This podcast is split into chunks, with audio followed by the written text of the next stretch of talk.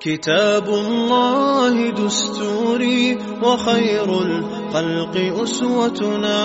بسنته انجلى نوري بهدي الحق أرشدنا. كتاب الله دستوري وخير الخلق أسوتنا. بسنته انجلى نوري بهدي الحق أرشدنا. بسم الله الرحمن الرحيم. الحمد لله رب العالمين. حمدا كثيرا كما أمر. والصلاة والسلام على خير الخلق أجمعين محمد بن عبد الله وعلى آله وصحبه أجمعين. اللهم علمنا ما ينفعنا وانفعنا بما علمتنا وزدنا علما يا كريم.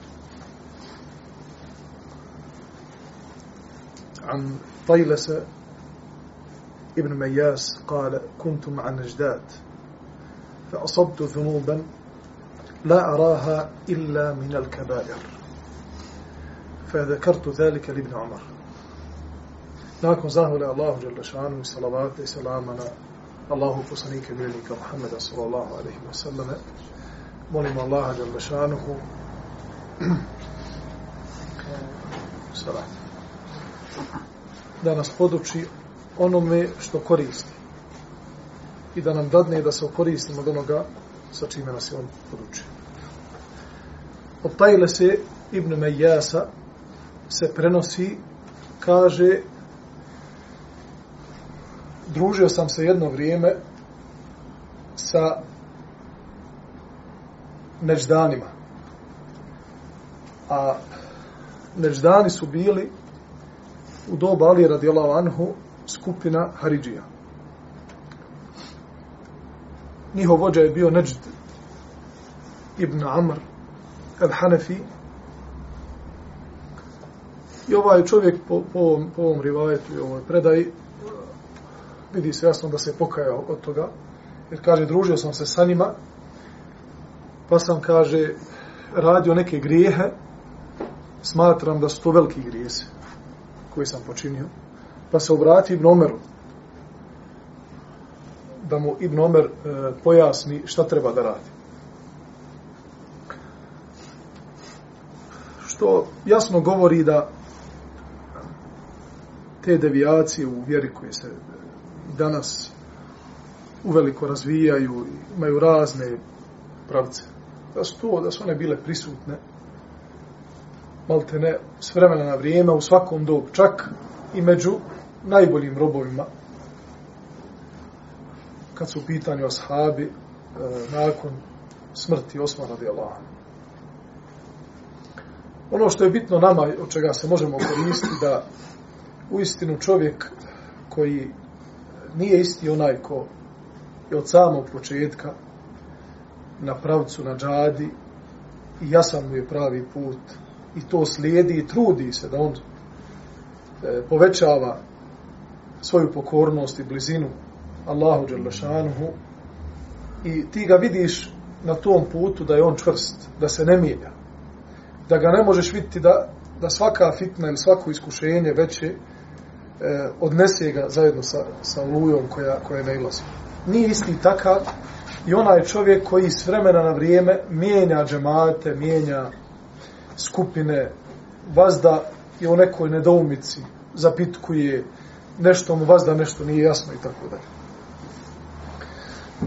Šeha Abu Kuveni, naš šeha Hafidahullahu ta'ala, spominje ovako često, slušajući njegova predavanja, a on je uistinu jedan od eh, najučenijih ljudi u hadisu i u fiku današnjici. I ono što je prepoznatljivo kod šeha Abu Ishaq al da je sastavio znanje o hadisu i razumijevanje fika, što je veoma bitno e, za jednog alima da, da pored hifsa hadisa, pored razumijevanja terminologije hadisa, da ima fik u vjeri. I on je stvarno u tome neprikosnoven hafidhahullahu ta'ala.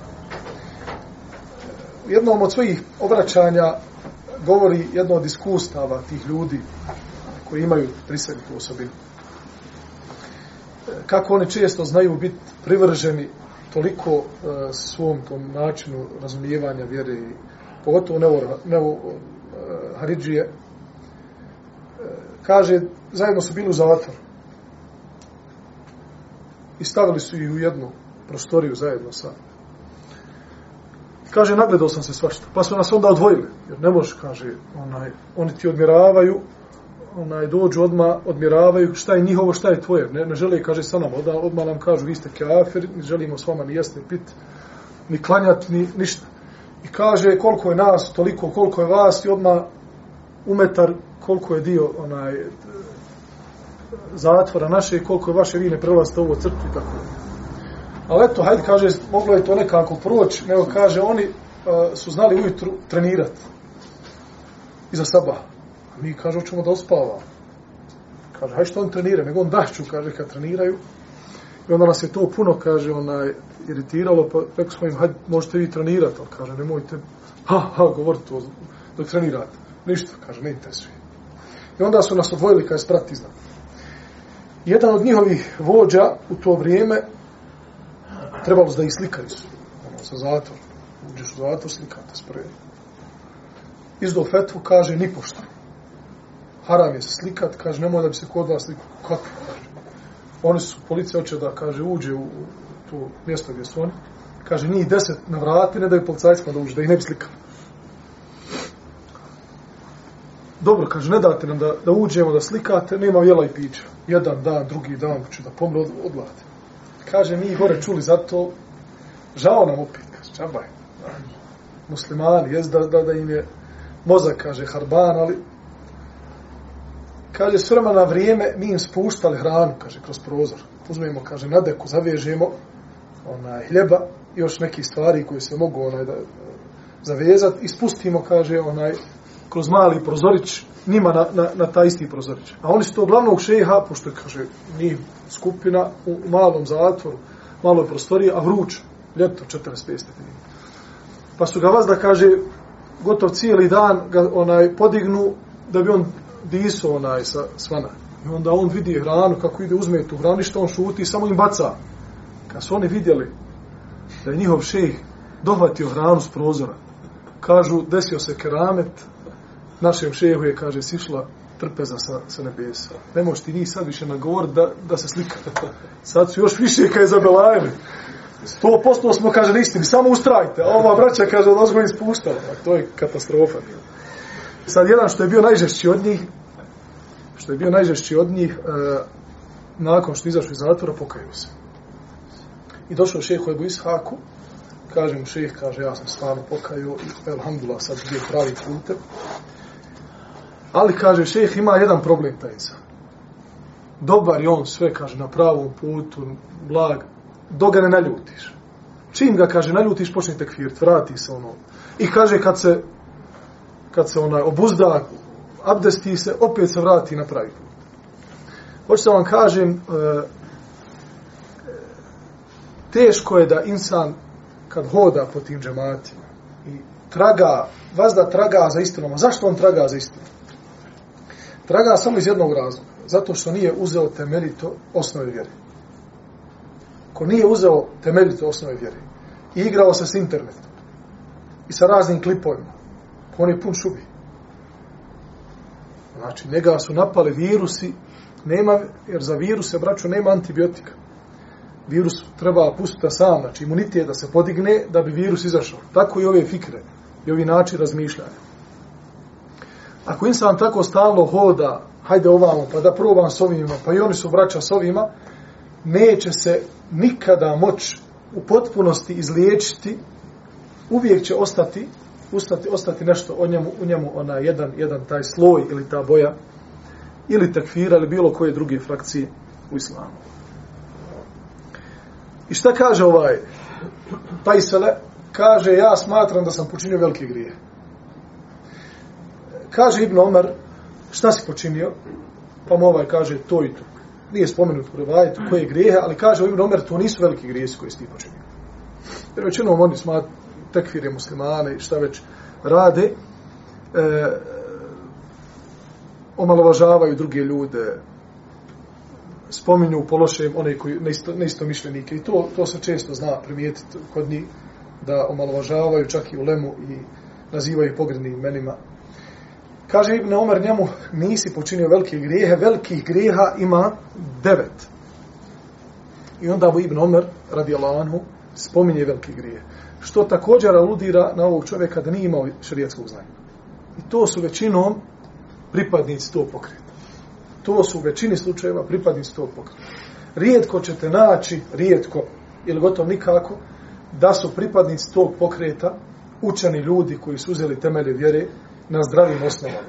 Većinom su to ili mladići, ili možda i stari ljudi koji nemaju šerijatske, šerijatske e, osnove, nemaju znanja o akajdu, nemaju znanja o usulu vjere, e, nemaju znanja o, o, o terbijatu, o načinu obhođenja prema ljudima i tako dalje. Znači jednostavno sve su to uzeli nekako na, na, na horuk i onda su otišli, otišli u tu firku. I onda mu kaže Ibn Omer, to nisu veliki grijesi, veliki grijesi su pripisivanje Allahu druga, ubijstvo, dezeterstvo, e, potvora nevinih žena, kamata, uzurpiranje etimske imovine, bogohuljenje u mesčidu haramu. Bogohuljenje u mesčidu haramu e, misli se suprostavljanju Allahovog, Allahove naredbe unutar mesčidu haramu. To jeste da kršiš Allahove naredbe, ako ti je nešto naredio da to ne radiš, ili ti nešto zabranio da to radiš od harama, to je od velikih grijeha. E, izrugivanje ljudima. I roditeljska suza zbog neposlušnosti. Izrugivanje s ljudima, kaže Ibn Qayyim rahimahullahu ta'ala, neće čovjek podrugivati se drugom čovjeku zbog grijeha koji ga je učinio taj čovjek, a da ga Allah neće iskušati istim grijehom. A kaže Ibn Mes'ud radijallahu anhu, neće se čovjek podrugivati drugom čovjeku kada ga ugleda da doji dojku od od psa, znači od kuje. Neće mu se podrugivati zbog toga što ovaj radi, a da neće, kaže, prije smrti i on sam podojiti kuju. Ibn Mesud to kaže. A kaže Ibn Omar radijallahu anhu, kada bi, smatram, kaže, ubijeđen sam, kada bi se podrugivao ženi zbog trudnoće koju nosi, znači da je možda prevelik stomak ili preširok ili ružno stoji, vidi kako je debela i tako dalje, zbog trudnoće, kaže, bojao bi se, kaže, da mi Allah ne dadne da ja zatrudnim. Do te mjere. To Ibn Omar radijala ono kaže. I vjerujte, braćo, da je tako. Neće čovjek se podrugivati drugim ljudima zbog grijeha koje čini da ga Allah neće kad, tad, kad se najmanje nada, iskušati sa istim grijehom. Tokom njegovog života. Neće umrijeti dok neće biti iskušan. Ili sa istim, ili sa gorim od toga. I kaže Ibnul Qajim rahimahullahu ta'ala, kada vidiš čovjeka iskušanog sa grijehom, reci, Allahu moj, oprosti meni njemu. Allahu moj, oprosti meni i njemu.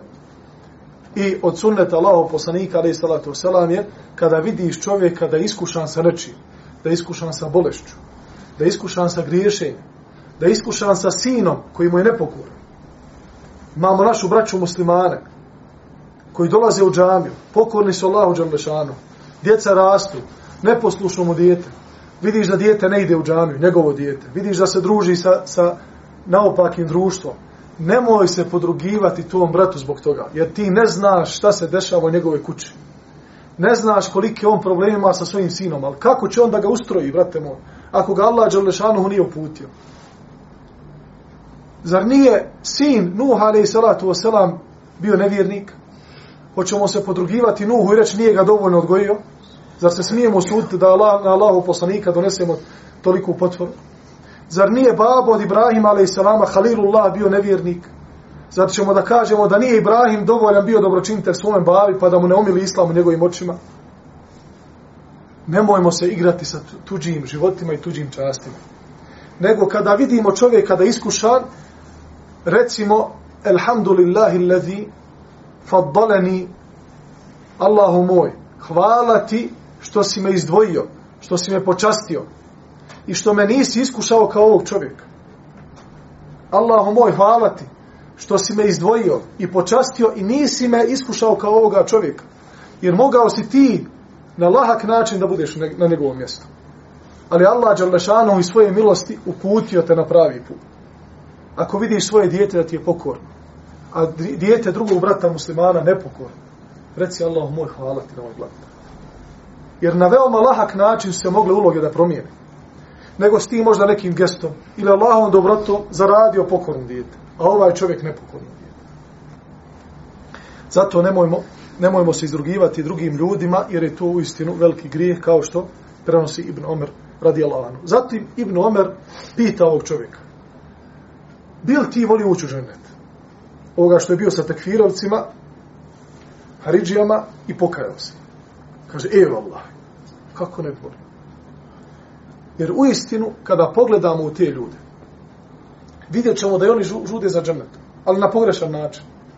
Što znači da ima među njima ljudi dosta koji su iskreni. Ali ne znaju pravi put i srca su im zavedeni.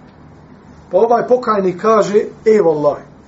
I onda Ibn Omer, pazite, Ibn Omer ga ne, ne ostavlja tek tako. On mu kaže, ti, alhamdulillah, ti se pokaju od, te, od tog načina razmišljanja u islamu, od te firke, od te sekte. Maša Allah, te barak Allah, hajde sa nama. Nego mu kaže, ako želiš da uđeš u džennet, a bio si sa njima, bio si sa njima, treba da sada nadoknadiš ono što si propustio. Jer većinom te devijacije u vjeri odvedu čovjeka od pravog cilja rađena dobrih dijela. Pa onda taj ekstremizam, bilo koji ekstremizam u vjeri. Pazi, imate ljude, pogotovo danas ova velika dešavanja u svijetu i to, vidite, vidite ljude da su u svakom pogledu ekstremisti. Teško je naći umjerenog čovjeka koji zna svoje emocije staviti na pravu vagu, dati joj kilažu njenu koliko treba i onda razmisliti zdravim razumom i čistim srcem. Teško, to je, to je danas keramet naći ljudi. Takve. Jer je Allah poslani sallallahu alejhi ve selleme nagovijestio da će doći vremena fitneluka teško će se najpametniji ljudi u tim vremenima snaći. Šta sad radi? Pa dobro, ovi kažu ovako. Drugi kažu ne treba. Ovi kažu ma, o, samo ovako. Šta da ja radim? Ja radim. Kaže mu Ibn Omer, jel ti babo živ? Kaže, ne imam samo majku kaže mu Ibn Omer, tako mi Allah, kada bi joj se blagim riječima obraćao i kada bi je hranio do kraja njenog života, sigurno bi ušao u džennet ukoliko bi se ukoliko bi se šta? Čuvao veliki grija. Ibn Omer radijallahu anu, a mi smo još u poglavlju dobročinstva prema roditeljima, Ibn Omer daje mu ključ uspjeha čovjeku koji se vratio iz sekte, koji je činio grijehe, šta je sve radio, Allah najbolje zna, kaže mu Ibn Omer, hoćeš u džennet? Ehle u put je otvoren. Zbog toga, vraćo moja, nemojmo da nas naše emocije odvedu od, od pravoga puta i onak, onoga na čemu nas je ostavio Kur'an i sunnet jeste da su vrata teube otvorena svakom insanu. Koliko god ti njega mrzio, koliko god ti smatrao njegov put, da je to krivi put, da je to stramputica, mrzio, prezirao. Onog trenutka kad se on pokaja, kad se vrati Allahom Đalešanu, iskrenom teubom, Allah Đalešanu mu je najmilostiviji i on otvara svoje vrata kome hoće. Zato nemojmo zatvarati pred ljudima vrata teube I govoriti Allah neće ovome uprostiti. Ili ovog Allah neće uputiti, Allah ga ubio i tako dalje.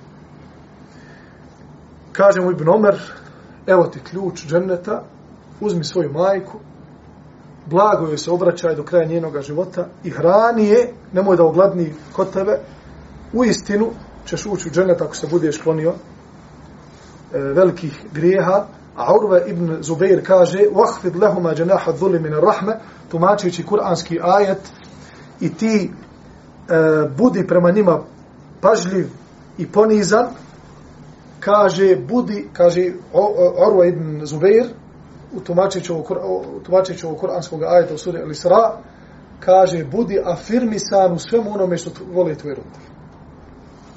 Budi afirmisan u svemu onome što voli tvoj roditelj. Sve što oni vole da ti radiš, radi. Majko, izlazim se sad napolje. Sine, puno je hladno. Ti još s društvom, se rani. puno je hladno, smrznit ćeš se. Majka se plaši da ako izađeš, prehladit ćeš se. Ostani kući. Nemoj izaći do usu. Ostani kući.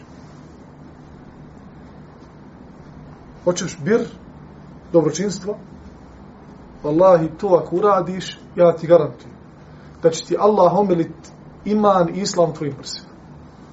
Allaha mi u tom trenutku ćeš osjetiti slast imana koji nikad dotad tada nisi osjetio. Ako počneš da ideš u te detalje, da tvoji roditelji budu do te mjere stoje s tobom zadovoljni, da kažeš, majko moja, bojiš se za mene, da će se prehlata ako izađe, ja ću ostati, ako ti to voliš. Osjetit će slast imana koju nikad od tada nisi osjetio. I Allah će ti odmah povećati tvoj deređu još na ovome svijetu. Pa će ti onda olakšati drugi, drugi, drugo dobro djelo. Jer u istinu, dobra djela pomažu čovjeku da čini druga dobra djela. A grijesi pomažu čovjeku da radi druge grije. Inna rađule le jasduku u jetaharra sidqa hatta yukteba inda Allahi siddiqa. Kaže Allah poslani sallallahu alaihi wa sallam u hadisu koji se nalazi kod Buhari i muslima. Čovjek će govoriti istinu. Rekne istinu. Gorka je ako ja kažem, uf, bit će belaj po mene i ovako, ja ću reći istinu. Onako kako jest. Allah Đelešanu takvom čovjek će olakšati da kroz tu istinu koju je rekao, da će i dalje nastaviti da govori istinu. Hatta yukteba inda Allahi siddiqa. Sve dok ne dođe trenutak da zaradi titulu da bude zapisan kod Allaha istino ljubivi. Onaj koji govori istinu.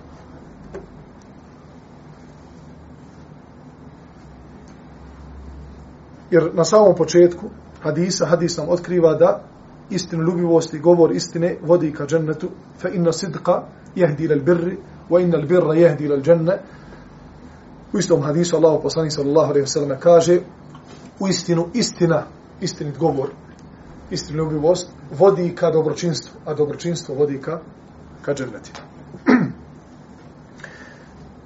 Od Ebu Horeire radijallahu anhu se prenosi da je Allah poslanik sallallahu alejhi ve sellem rekao La yajzi waladun walidahu illa an yajidahu mamlukan fayashtarihi fayu'tiqah Ne može se sin či ne može se odužiti svojim roditeljima osim da ga pronađe zarobljenog pa ga otkupi i onda ga oslobodi. Tek tada se može svojim roditeljima odužiti. Jer čovjek u dobročinstvu prema svojim roditeljima. I ovim stvarima kojim sam govorio. Može mu šeitan jednog dana prići pa da kaže, Maša, pa ti bolji prema svome babi nego što on bio prema tebi. Pa ti bolji prema svojoj majci i više si joj davao i više joj daješ i metka. Kupio si joj ovu, uradio si joj ono. Blaži si prema njom nego što ona bila prema tebi kad si ti bio mali. Šeitan priđe čovjeku. On ne odustaje. Brate moj, sam porod i samo tvoje rođenje od strane tvoje majke je dovoljno, dovoljno da cijel život je izmetiš i da joj budeš na usluzi i nećeš moći nećeš moći uzvratiti na jednu porođajnu muku kada te tvoja majka rodila tek po hadisu, ako pronađeš jednog od svoga dva roditelja ili oba roditelja, da su zarobljeni u ratu i otkupiš i oslobodiš, tek tada možeš reći da si im se oduži. Od Sa'ida ibn Abi Burde kaže Sami'atu ili čuo sam svoga babu da je vidio Ibn Omera kako gleda čovjeka iz Jemena nosi svoju majku oko Kaabe tavafi, i pazite, ne samo da tavafi. Uf, ono, morio sam se, Boga mi nosi majko, ali poteška je. Pjeva čovjek. Tavafi oko kjabe i pjeva. I kaže, inni leha ba'iruha al mudallali in ud'irtu au ud'irat rikabuha au rukabuha lem ud'ari. Kaže, ja sam njena ponizna jahalica, deva, svoje majke. Smatra sebe devom, a njegova majka je jahač. kaže, pa iako bi se jahač umorio, ja se nikad neću umoriti. ako bi se jahač na meni umorio, dok ga ja nosim, ja se nikada umoriti neću. Nosit i dalje svoju majku. Zatim je taj čovjek iz Jemena, kad je završio tava sa svojom majkom, prišao Ibn Omeru i kaže mu, o Ibn Omere, jesam li se odužio svojoj majici? Donio je na, na, na krkači, na, na leđima, na hač. Kaže, ne, tako mi Allaha za jedan porođajni bol nisi joj se odužio. I onda je ovaj hadis spomenuo da Allaho poslanika sallallahu alaihi wa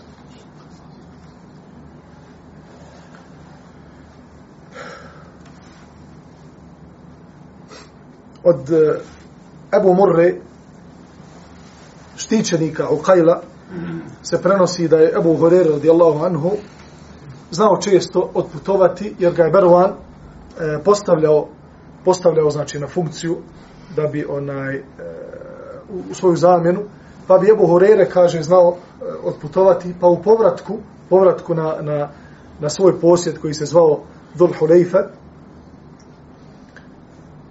kada bi došao pred kuću selamio bi svoju majku. Pa bi rekao Assalamu alaikum wa rahmetullahi wa barakatuhu moja majčice. Pa bi ona govorila wa alaikum selam wa rahmetullahi wa barakatuhu moj sinčiću. Zatim bi Ebu Horere govorio da ti se Allah smiluje što si me dok sam bio mali odgajala a njegova majka bi odgovarala na to da se i tebi Allah Đerlešanu smiluje što mi činiš hizmet kada si odrastao to je bio odnos Ebu Hureyre ili jedan od načina, načina etike ulaska u kuću Ebu Hureyre kod svoje majke svaki puta kada bi dolazio u kuću i svaki puta kada bi izlazio iz kuće. Ovo nam govori uh, o dvijema stvari. Govori nam o tome da promijenimo svoje riječi i svoju etiku prema svojim roditeljima, a drugo i kako nam govori o velikanu islama, najvećem muhaddisu među ashabima, radijallahu anhum ajma'in, Ebu Hureyri, koji nam prenosi preko 5000 hadisa od Božijeg poslanika, za koga Allah poslanik sallallahu alaihi ve selleme dovio, a on je aminao. I Allahu poslanik sallallahu alejhi ve sellem je dovio za njega da sve što čuje zapamti.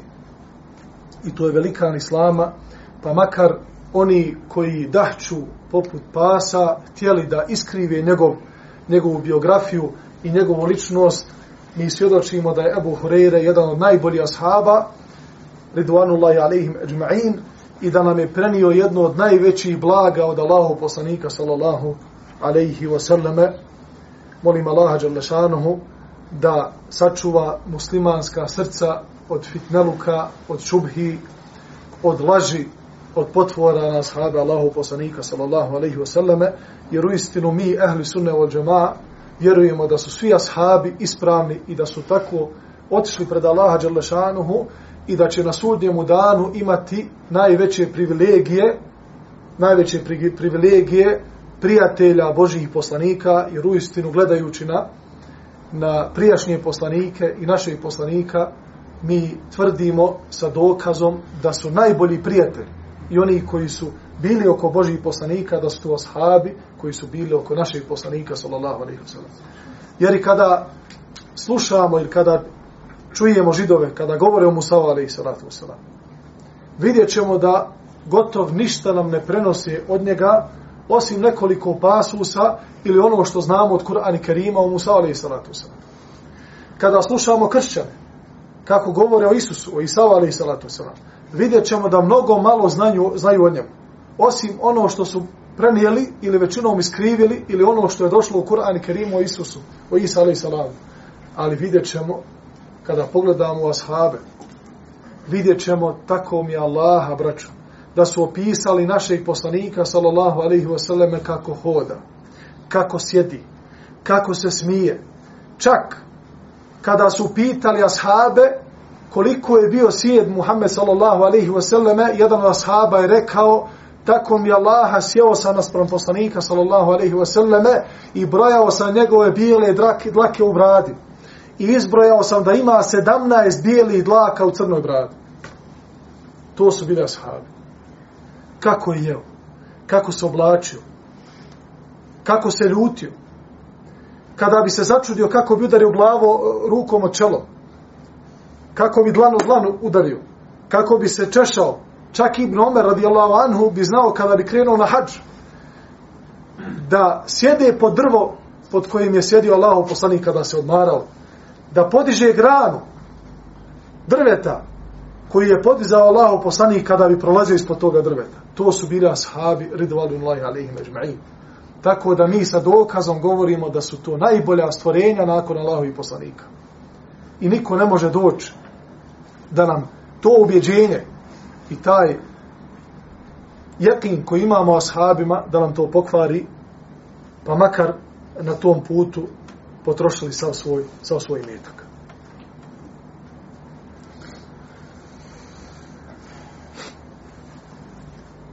Od Ebu Bekrate se prenosi da je rekao, rekao Allahu poslanik sallallahu alaihi wa Ela Ala unabbi'ukum bi akbaril kabair. Hoćete li da vas obavijestim o najvećim velikim grijesima? Ovaj nam hadis i ostali hadisi koji govore o velikim grijesima dokazuju nam, braćo moja, da u islamu ima nešto što se zove veliki grijeh i mali grijeh. Iako prva generacija muslimana nije toliko E, pravila razliku i ljudima objašnjavala to, zato što smatrali svaki grije da je to veliki grije i gledajući na veličinu Allaha Đarlašanuhu, a ne gledajući na manjinu tog grijeha, pa tako se od Enesa radi Allahom prenosi, kaže da kada je sjedio s tabijinima, kaže vi radite stvari koje smatrate da su male. Mi smo i u doba Allahov poslanika sallallahu alaihi wasallam smatrali da su to grijesi koji nuštavaju čovjekov život. Vi radite stvari danas i smatrate da su one male. Ništa ne. Ma hajde, šta fali ovo? Hajde, šta fali ono. Ma, ne mora biti uvijek najbolji. Kakvi ima, alhamdulillah, ja sam dobar, hvala Allah, klanja se, posti se kaže mi u doba Allahov poslanika te stvari koje vi sada smatrate ništavnim, smatrali smo i da su opasne po život.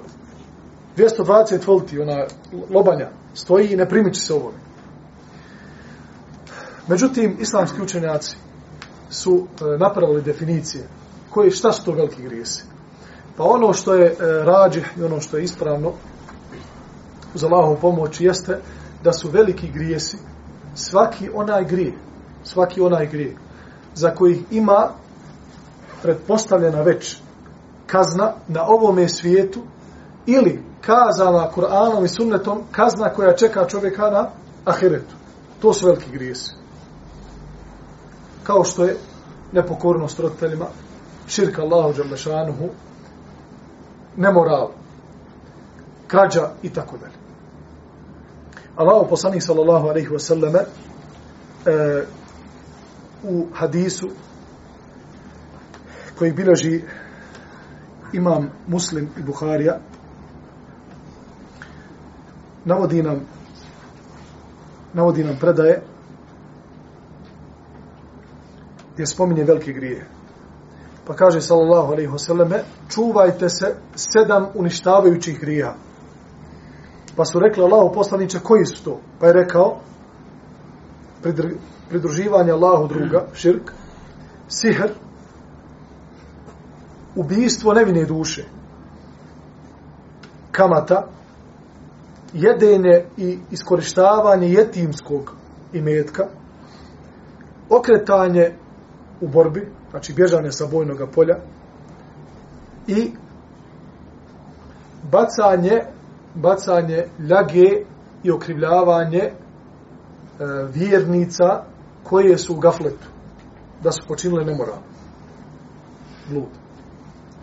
Ako čovjek nema, ja sam dokaz, to su sve e, veliki grijesi koje čovjeka uništava i uništava i njegovu e, vjeru.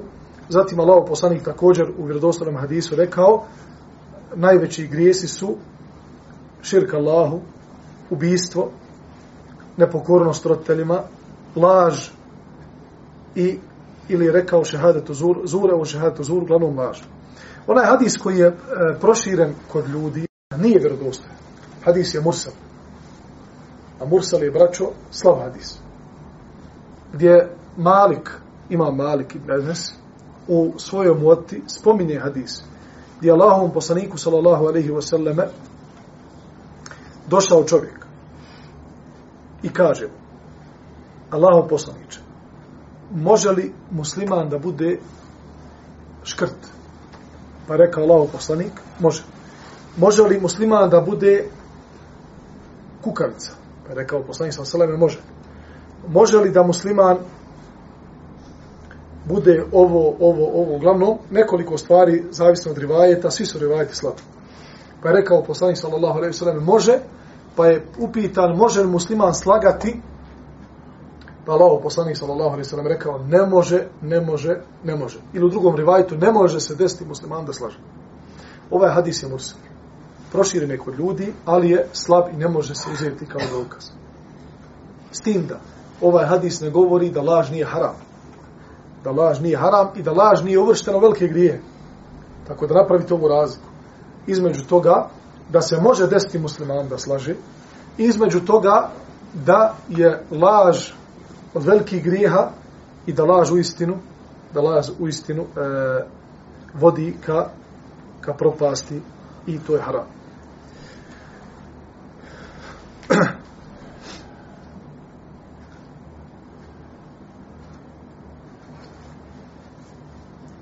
Upitan je od Orada se prenosi, on je bio pisar od Mughire ibn Šobe, da je Muavija radijallahu anhu napisao Mugiri pismo i u tom pismu mu rekao napiši mi nešto što se čuo da lavo poslanika sallallahu alaihi wa Pa mu je Mughire ibn Šu'be odgovorio na to pismo i rekao čuo sam da zabranjuje pretjeranju zapitkivanje rasipanje metka i prenošenje neprovjerljivih riječi. Tri stvari koje se tiču koje se tiču e, čovjeka i odnosa njega prema drugim i odnosa njega prema samome sebi preveliko zapitkivanje. Stalno pitanje, stalno pitanje, stalno pitanje. Ashabi Allahu poslanika sallallahu alaihi ve selleme čak im je bilo zabranjeno da zapitkuju Allahu poslanika, pa bi se, kaže, obradovali beduinu, seljaku koji dođe svana, ne znate tu hijerarhiju kako to ide, ali, kaže, obradovali se nekom koji je pametan, pa da zna fino pitanje postaviti Allahu poslaniku, da bi on, sallallahu alaihi ve selleme odgovorio. Da čovjek pita o svojoj vjeri, e, nije sramota i nije zabranjeno. Međutim, stalno zapitkivanje, unosi kod čovjeka šta? Šubhu ili unosi kod čovjeka sumnju ono što ima svoga znanja. Pa, na primjer, imamo čovjeka koji pita petoricu daja za jedno pitanje. Pošalje poruku jednom, salamu alaikum, je li ovo može proći, je li dozvoljeno? Ovaj kaže, ne može. Dokaz stoji. Nazove onda drugog, pa trećeg, pa četvrtog, petog, ne samo to. Onda se vrati prvom i kaže, rekla su mi trojica da može. Pa sad on čekuje sad kontra odgovor od ovoga, pa on pravi komparativni fik koji niko nikad nije napravio u svom životu. Preko poruka. Ili, on, ili ovako lično. To, braćo moja, e, prvo nije dozvoljeno. Drugo, ruši kod tebe, ruši kod tebe sve jedan jekin koji imaš kod, u svome znanju, onome što posjediš u svoga znanja. I na taj način nikad nećeš biti odlučen. Nikada nećeš. I onda to na kraju vodi ka čemu? Ka raspravi. Čak i sa mnogo učenim ljudima od tebe. Jer ti ćeš pokupiti par fetvi određeno određenom pitanju nekih daje. I načineš odavde jedan hadis, načineš odavde pola ajeta, sve ti to krnjavo znaš. Ko da uzmeš tortu sa svih strana pomalo pojediš. I onda se vratiš onom prvom daji i kažeš, ovo, imam ja nešto znanja. Pa onda ti počneš da rešetaš, ti vid, ali ti ne znaš da je kod tebe vatromet, to je da Allah sačuva. I kada izađeš te rasprave, umjesto da si ponio zdravo znanje, da si došao na ovakva predavanja i slično, gdje se temeljito prelazi određene oblasti, i onda nakon godinu, dvije mašala, ti si već nešto sabrao kod sebe, ne. Uzeo si iz ovog videoklipa, uzeo si odavde, odavde, ono se šero, ono nisi šero, ono se pročito dopolo, ono nisi. Ti, jadnik, imaš hard disk, on ne treba da se formatira, on treba da se uzme, kupi se novi i stavi. Ne može ga više ni formatirati. Toliko ni jedinica i nula prekucano da više taj hard disk ne, ne služi. Vas da je ono sto tamo. Rasipanje metka. Obraća se Moavi, Velija. Čuvaj metak. Nemoj ga rasipati. Ako imaš metak, čuvaj. I prenošenje onoga što nije provjereno, braćo. Čuo si, a, došla nove vijesti. Osježenje. Update novi. Pa šta se desilo? Kaže, to i to. Opasno. Pa ti je da čekaš onda, e, brate, hajmo na kafu, imam nešto ti kaže. Začut ćeš se.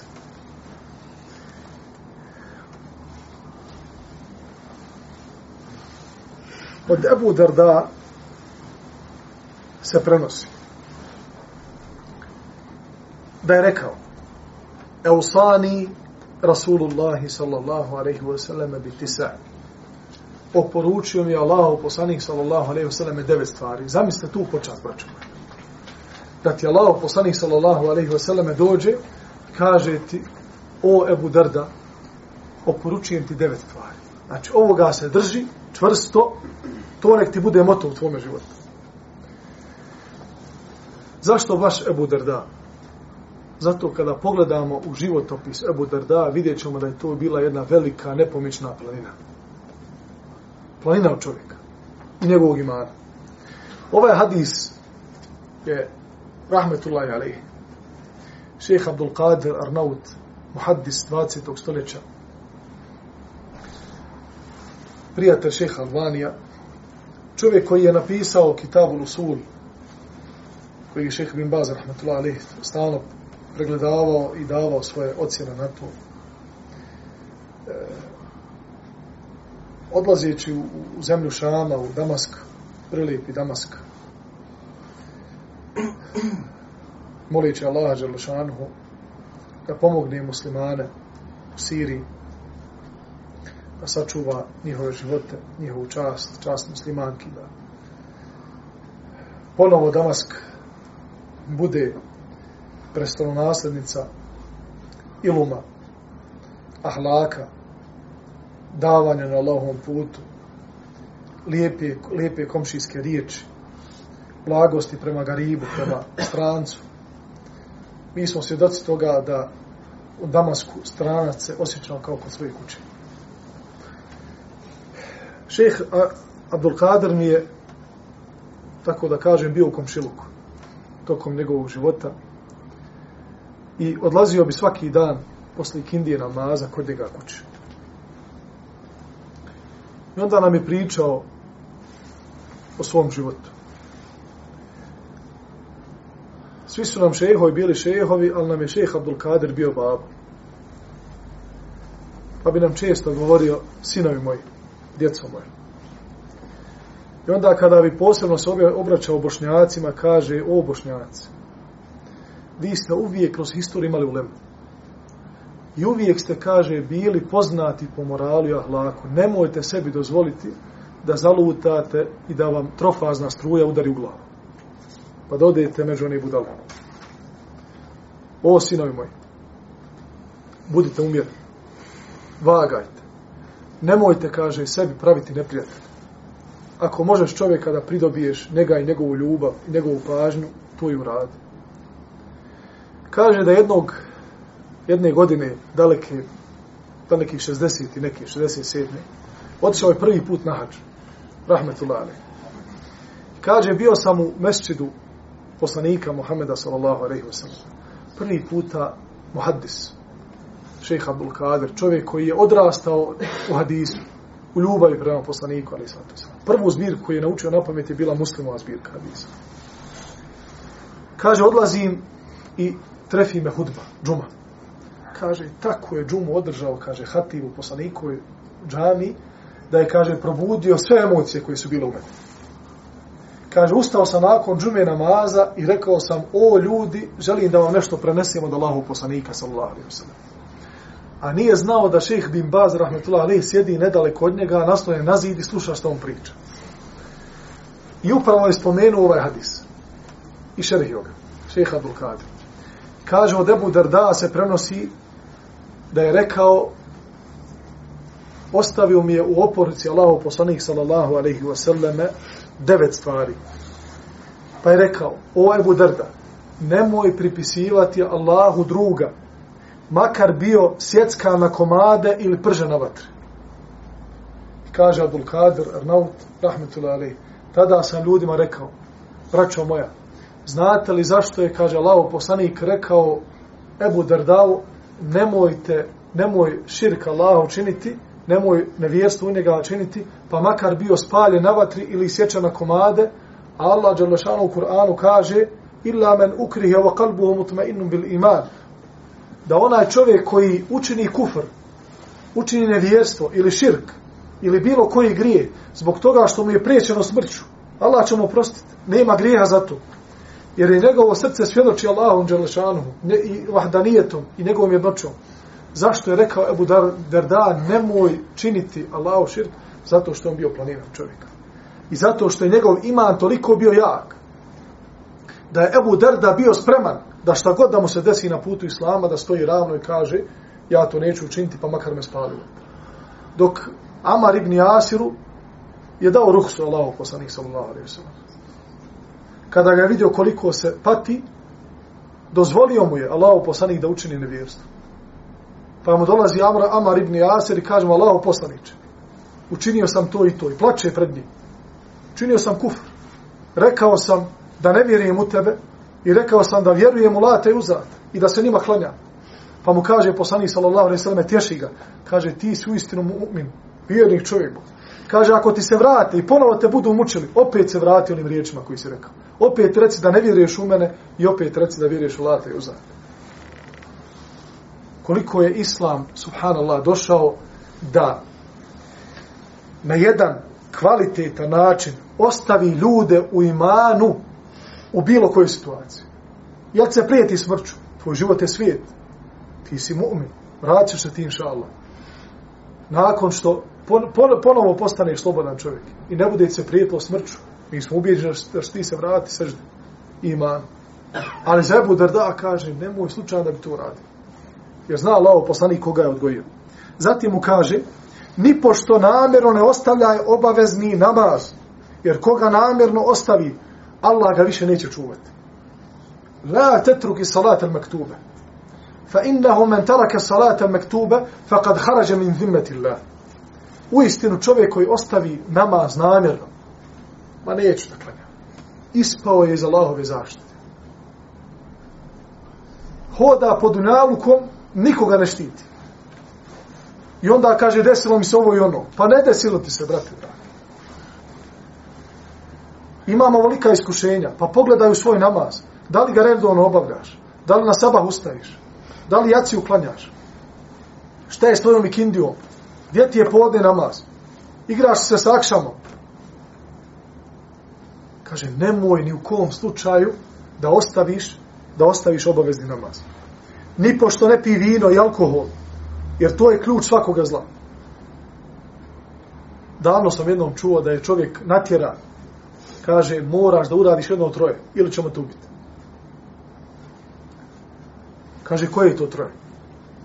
Ili da ubiješ, kaže, dijete, ili da učiniš nemoral sa ovom ženom ili da popiješ alkohol. I ovaj gleda kako god okrenem, kaže, najmanje mi je zlo da ja popijem alkohol i neću nikom, nekom je drugom načiniti nepravdu. Kaže, napio se, kad se napio i ubio dijete, počine nemoral.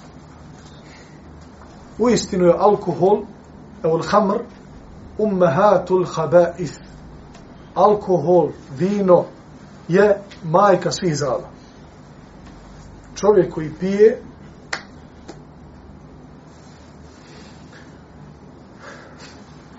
budi poslušan svojim roditeljima.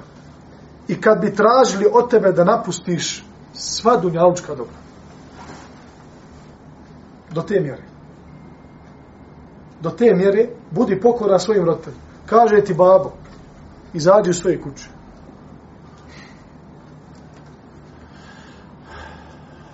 Ali takvije ćemo danas lupom tražiti. Pod mikroskopom. Ima li takvi? Allahu i robova da su pokorni svojim roditeljima i da svojim roditeljima kažu babo i majko šta treba, ja sam tu. I ne bježi sa bojnog polja.